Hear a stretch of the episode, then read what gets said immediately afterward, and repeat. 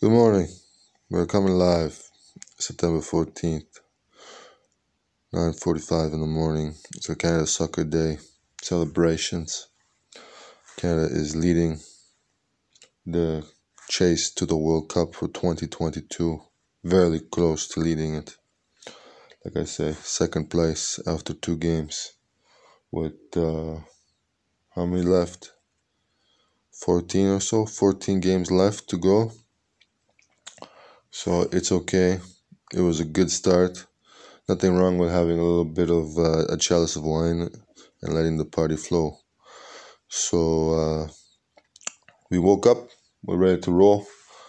Game goes on, and uh, next game I think is October 7th, 2021. So uh, we take it easy now, okay?